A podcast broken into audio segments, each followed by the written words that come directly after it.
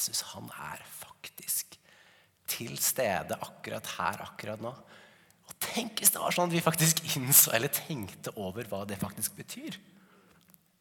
Da var det en på led som sa det at hvis vi virkelig hadde skjønt det, så hadde hele gjengen ligget med nesa i gulvet og blitt overbevist. Og så husker jeg en av de beste innledningene til en bok jeg noen gang har lest. Det er av en som heter A.W. Toaster, som er en teolog, som åpner innledningen av boka hans med det verste som kan skje ved at du leser denne boken. Det er at du skal føle at du sitter igjen med et eller annet som du fikk ut av denne boka her. Og jeg tenkte hvis du åpner boka sånn, så har jeg veldig lyst til å lese hva som er etterpå. Og så var liksom poenget hans at hvis den boka her ikke leder deg til feste blikket på Jesus, så hadde det vært egentlig bedre om du ikke leste den boka. var egentlig poenget hans.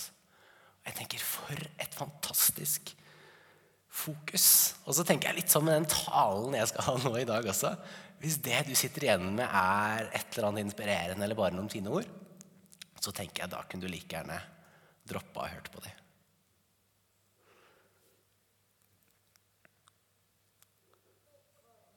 Og så er det sånn at I kirka her i Evangeliuset så har vi en visjon som jeg liker veldig veldig godt. Det er at vi ønsker å lede mennesker ett skritt nærmere Jesus. Og Det betyr at uansett hvor du er på din reise med Jesus, om du tror mye, lite eller ingenting, så ønsker vi å legge til rette for at hver enkelt en av oss kan ta et skritt nærmere Jesus og få muligheten til å bli enda bedre kjent med Han. Og på skjermen bak meg så står det 'Kom, Hellige Ånd'. Og jeg vet ikke hva du første du tenker på da du leste det i stad. Om du på en måte har hørt masse om Den hellige ånd før, vært på masse gudstjenester eller ikke kjenner så godt til det. Jeg skal si litt mer litt seinere i talen om Den hellige ånd og hvem han er. Men visste du at 'kom' er faktisk et av de eneste ordene som kommer direkte fra Den hellige ånds munn i Bibelen. Det er ikke sikkert du visste. Helt på slutten av Bibelen, i Johannes' åpenbaring, så står det Kirka sier 'kom', og Ånden sier 'kom' i forhold til at Jesus kommer. Og så tror jeg at når vi ber bønnen 'kom', Helligånd eller 'Kom, Jesus, bli synlig', så tror jeg det faktisk er virkelig en bønn etter Guds hjerte.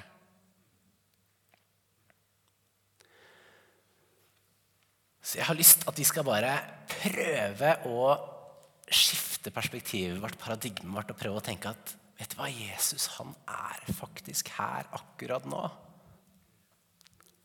Og hvis han er her akkurat nå, så betyr det at hva som helst kan skje i det rommet her. Og så tror jeg Den hellige ånd, at Gud er sånn at han ser hva du trenger. om du... Han ser akkurat hvordan uka di har vært. Om den har vært helt nydelig eller om den har vært helt bånn i bøtta. Så er han til stede, og han er interessert i å møte deg akkurat der du er. Og ikke der du føler at du burde være. Så kan ikke vi reise oss litt opp nå, og så ber vi rett og slett den bønnen her. Jesus, takk for at du er til stede akkurat her, akkurat nå. Kom, Hellige Ånd, og gjør det du har lyst til å gjøre i rommet her, i hjertene våre. Du ser hva vi trenger. Du kjenner oss bedre enn vi kjenner oss selv. Kom, Hellige Ånd, og vis Jesus for oss. Kom, Hellige Ånd.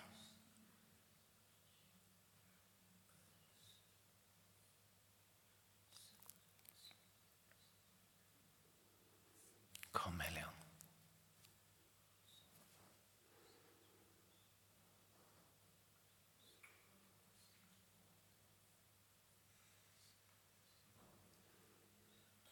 Kom, Hellige Ånd.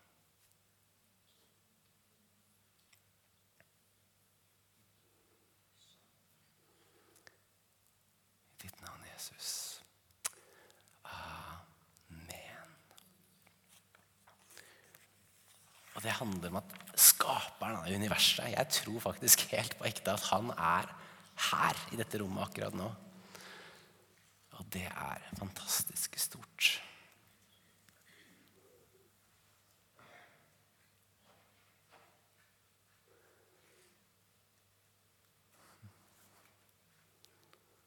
Og jeg tror at i møte med et nytt år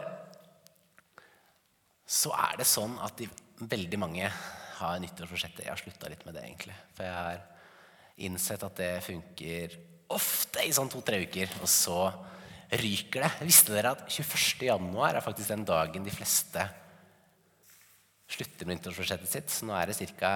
en uke igjen, og så er, det, så er alt håp ute. holdt jeg på å si. Men jeg tror at en av de beste måtene å gå inn i et nytt år, et nytt semester, en ny periode, det er i bønn og med en sånn tanke om at Vet du hva, Jesus? Jeg ønsker å koble meg på ditt hjerte. Jeg ønsker å koble meg på det du ønsker å gjøre. Og koble meg tettere på deg. Da Jesus kalte disiplene sine i Markus kapittel 3 så har Jesus akkurat vært Han har bedt hele natta. Og så kommer han ned, og så står det i Markus kapittel 3 Så gikk han opp i fjellet, han kalte til seg dem han ville, og de kom til ham.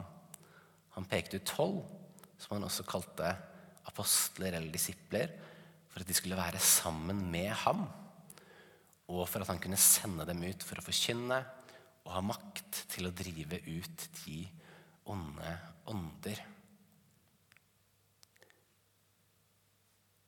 Jeg husker En av de første gangene jeg leste den teksten, her, så så jeg ganske sånn fort at hva er det, hva er det Jesus egentlig kaller disiplene sine til? Her, i den teksten her. Først og fremst.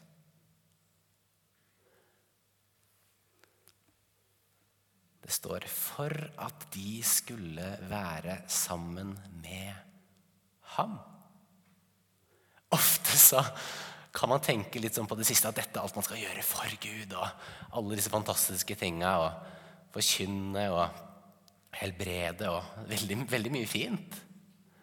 Men hva er det Jesus sier her? Jo, det viktigste det er jo faktisk å være sammen med meg. Det er det det kristne livet handler om. Det å kjenne Jesus. Det står i Johannes 17,3 at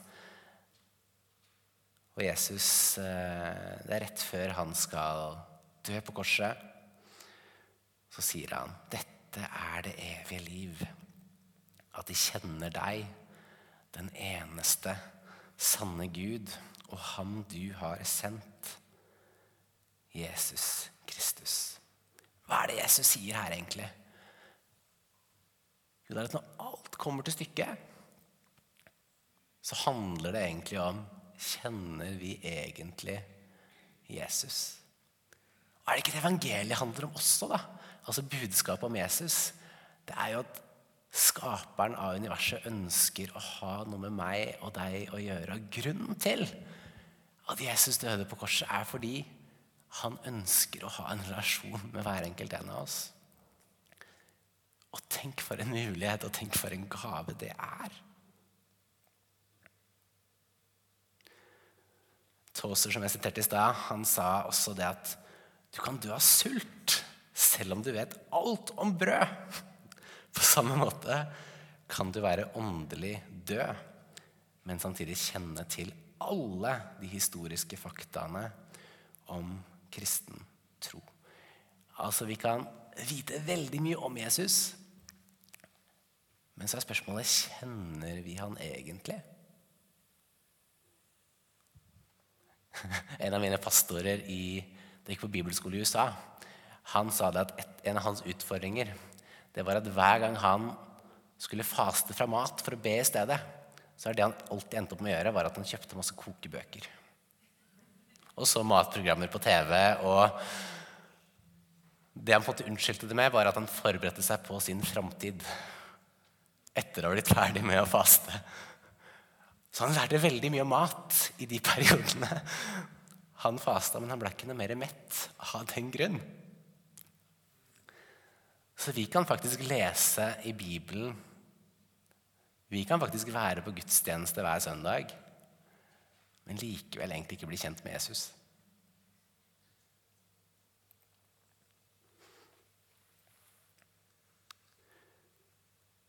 En av mine sånn favoritthistorier i Bibelen i Gamle Testamentet, det er historien om Moses.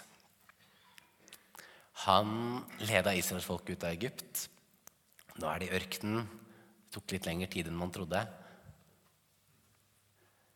De er litt sånn De begynner å bli lei. Begynner å klage. Begynner å Og så bommer de skikkelig ganske mange ganger. En av gangene de bommer, det er i kapittel 32. Det som skjer, er at som en konsekvens av, av det, så er det flere mennesker som dør. Og Moses er sånn Nå er han på vei opp på fjellet for å be Gud om tilgivelse på vegne av hele folket. Og så sier Gud, vet du hva, selv om dere dumma dere ut, så skal jeg fortsatt la min engel gå med dere på den veien. Jeg skal la min engel gå foran dere. For israelsfolket de ble leda av en sky og en ildfakkel for å vise hvor de skulle gå. Og så sier Moses at dette, det er ikke bra nok. Det er fint med en engel, liksom. Men hvis ikke du leder oss herfra, leder oss opp herfra Hvis ikke du er med oss, så ikke led oss opp herfra i det hele tatt. Akkurat som Moses sier at vi heller være her i ørkenen, hvor det egentlig er ganske kjipt, med deg, Gud, enn noe annet sted uten. Og så ber han denne bønnen i vers 13. Hvis det er slik at jeg har funnet nåde for dine øyne, så vis meg nå din vei, så jeg kan lære deg å kjenne og finne nåde hos deg. Husk at dette er ditt folk. Hva er bønnen hans egentlig? Du Kan ikke jeg bare bli kjent med deg, da, Gud? Han Toserien han sier det at Moses brukte det faktum at han kjente Gud, som en unnskyldning til å kjenne Gud bedre. Og Hvordan er det Moses beskrives det er en annen plass? Han beskrives som Guds venn. Tenk å bli kalt det, da. Så han ber den bønnen lær meg å kjenne deg. Tenk om det kunne vært en bønn vi kunne be sammen. For det som er interessant, det er at jeg vet ikke med deg, men jo mer jeg spiser, si julaften f.eks., når det er ikke så lenge siden jul Jo mer jeg spiser, jo mindre sulten blir jeg, jo mer kvalm blir jeg for så vidt. Men når det kommer til Jesus, så er det sånn at jo mer jeg spiser, jo mer jeg fyller meg med ham, jo mer sulten blir jeg faktisk. Det er helt sant. Så den beste måten å bli mer fascinert av Jesus på, det er ved å være sammen med Jesus. Så om du ikke kjenner at du er supergira på Jesus når du ber, så er det sånn at når du ber, så vil det forme deg over tid. Til å kjenne Han bedre. Nå skal du få litt sånn etmy, etmylogi, eller åssen man uttaler det. Visste du at ordet prioritering kun var et entallsord da det kom? Vet du hvorfor? For det, når ordet prioritering kom, så handla det kun om bønn. Så man på en måte sa at prioritering det betyr at dette er øverst. Det er ikke noe sånn at det var prioritert rekkefølge. eller noe sånt. Bare kjenne Jesus, prioritering. Det er det det betyr. Det er på en måte ensforstående. Og Det er kanskje også derfor Martin Luther Reformatoren sier det at i dag har jeg så mye å gjøre at jeg ikke klarer meg uten tre timer med bønn. Nå sier jeg ikke at jeg bruker tre timer i bønn hver dag, altså. men Martin Luther han, han var sånn at jo mer han hadde å gjøre, jo mer tid brukte han faktisk sammen med Jesus.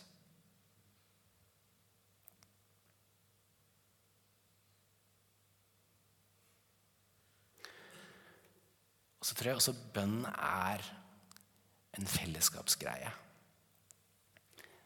I februar så skal vi begynne så skal vi både ha en helg som handler om Gud som far. Men vi kommer også til å starte med en taleserie som handler om bønnen Vår Far, eller Fader vår, som den het i gode gamle dager. Og som jeg brukte sikkert fem år på å lære meg om da den først kom. Der lærer vi å be Vår Far i himmelen. La navnet ditt helliges. Jeg vet ikke om du har lagt merke til at den bønnen ikke begynner med 'Min far i himmelen'.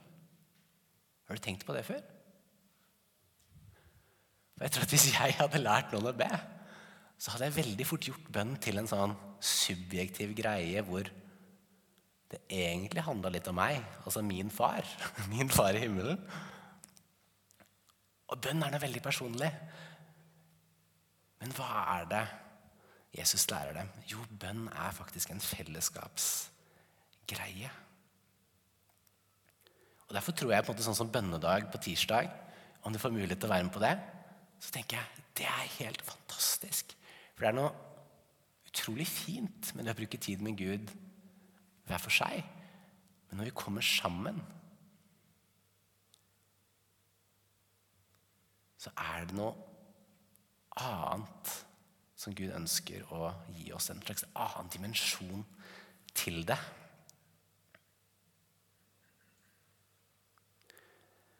En som heter Håkon Fagervik, han, et bønne, han har starta et bønnesenter i Levanger. Og han er litt så morsom. Hvis du, hvis du, aldri har hørt han noen gang, eller vært i nærheten av han, så er han en opplevelse i seg sjøl. Han er sånn Han sier stadig det. 'Å, bønnesnadder'. Jeg elsker å bruke tid i lag med Jesus. Ordentlig sånn nordnorsk eh, fyr. Og jeg syns det var så interessant en gang jeg hørte han tale. For han sa at grunnen til at jeg starta bønnesenter i Levanger, det var at jeg følte jeg er så dårlig på å be. altså Han som ofte har sånne bønnekonferanser overalt, han føler han er så dårlig på å be. Så da starter han bare et bønnesenter. da. For han måtte innse at jeg trenger litt hjelp. Altså på en måte når, andre, når en ber sammen med andre, da, så har man andre til å holde seg ansvarlig. Og det er lettere å koble på. Så det er også et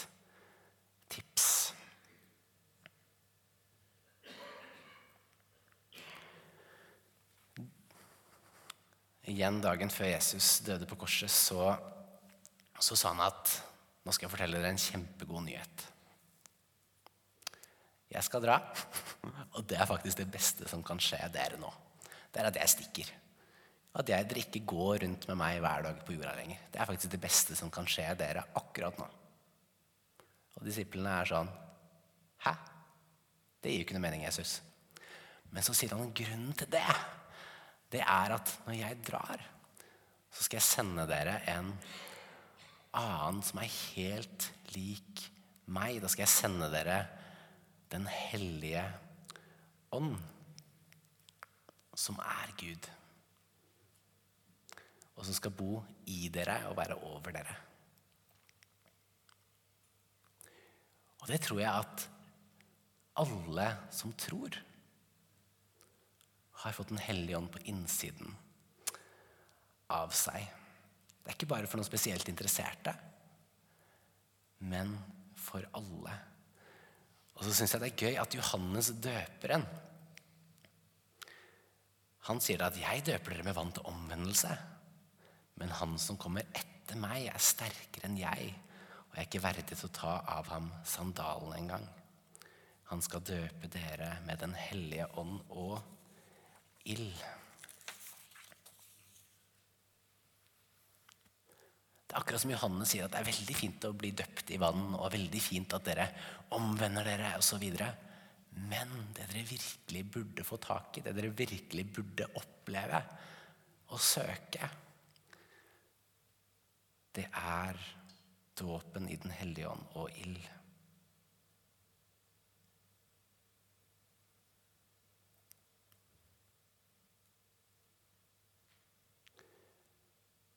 Han som starta Winyard-bevegelsen. Det er ikke så mange som kjenner til den, sikkert, men en pastor i USA han sa det at hans liv ble helt forandra da han gikk fra å be Gud velsigne alt han gjorde. Altså, dette er alle mine kjempegode ideer. Dette, dette er mitt liv. Dette er det jeg skal gjøre. Og så bare be Gud for alt det. Til å snu det litt om. Så sa han at nå prøver jeg Han er død nå, for så vidt, da. Men nå prøver jeg å finne ut hva er det Gud gjør som jeg kan bli med på. Hva er det han mener med det? Jo, han mener at livet med Gud, bønn osv. Det starter med Gud. Det starter ikke bare med meg. Fordi Gud han gjør noe både i vår hverdag og i verden som han inviterer oss med på, og som vi får lov til å være med på.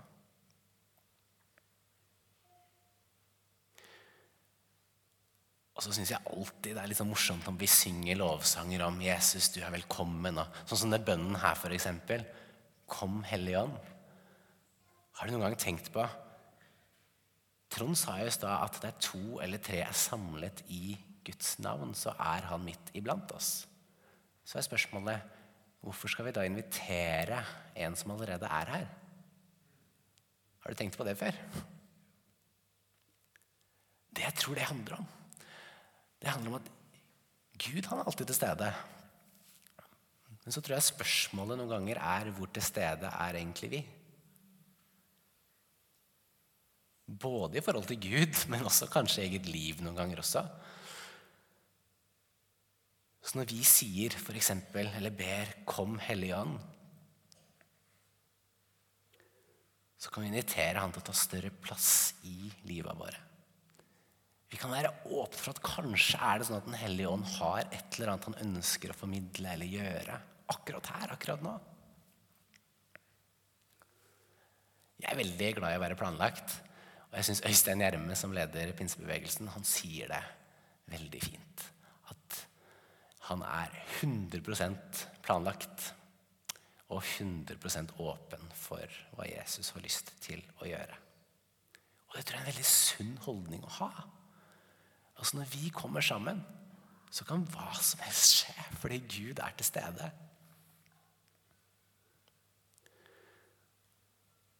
Og han Tozer igjen, han sier det at vi har så mye av Gud som vi ønsker.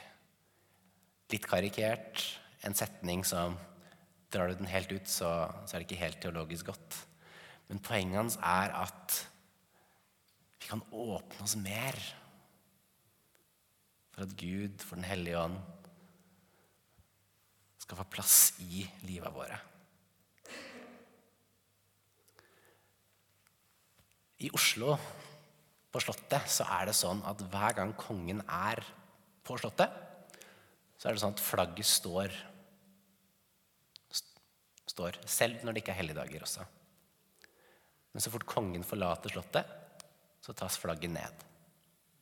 Og så er mitt sånn spørsmål i dag, da Når Den hellige ånd, eller når Gud er til stede, hva er det som er flagget, hva er det som er tegnet på at han er til stede? Vet du det?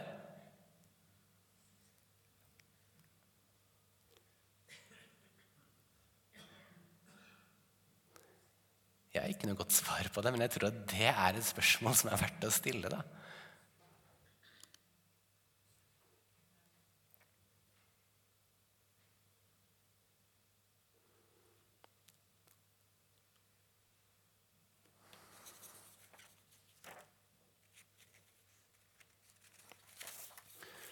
Og så tror jeg den bønnen vi har på skjermen nå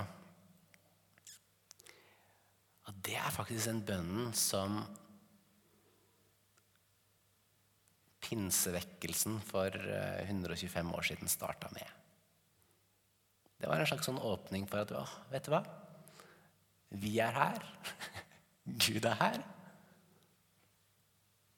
Gud, du er velkommen til å gjøre hva du har lyst til å gjøre. Og så prøver vi å åpne oss for det.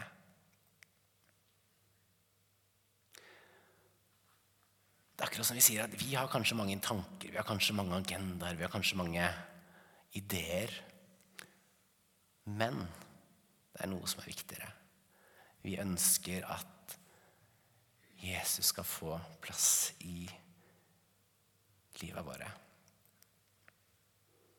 Peter, du kan få lov til å komme opp. Toaster han sier igjen Vi kan ikke tenke rett om Gud før vi begynner å tenke at han alltid er til stede. Og Det er derfor David f.eks. sier i salme det er mellom 10 og 20 en plass Så sier han jeg setter alltid Gud foran meg, foran ansiktet mitt. Så akkurat som han sier at ok, blikket mitt er kanskje her, men jeg på en måte sørger for at ok, nå setter jeg blikket der. Tenk om vi kan være sånne da, som tenker og er åpne for at Den hellige ånd kan få plass i hverdagen vår, i livet våre, i familien vår, i relasjonene våre, på jobben vår, på idrettslaget vårt osv. osv. Tenk om vi klarer å være åpne for at kanskje er det sånn at hvis Jesus alltid er med deg, hvis han bor på innsiden av deg, så betyr det at han, uansett hvor du er, så er faktisk han også til stede. Og så kan vi få en sånn lengsel som David forteller om i Salme 27. Én ting lengter jeg etter, og dette søker jeg at jeg må bo i Herrens hus alle mitt livs dager. At jeg skal få lov til å skue Hans ansikt og grunne i Hans tempel. Tenk at vi kan få en sånn større lengsel etter Gud i livet våre. Nå skal vi lovsynge litt mer sammen. Ved globen der borte så er det mulig å få forbønn. Det er mulig å skrive bønnelapper. Det er mulig å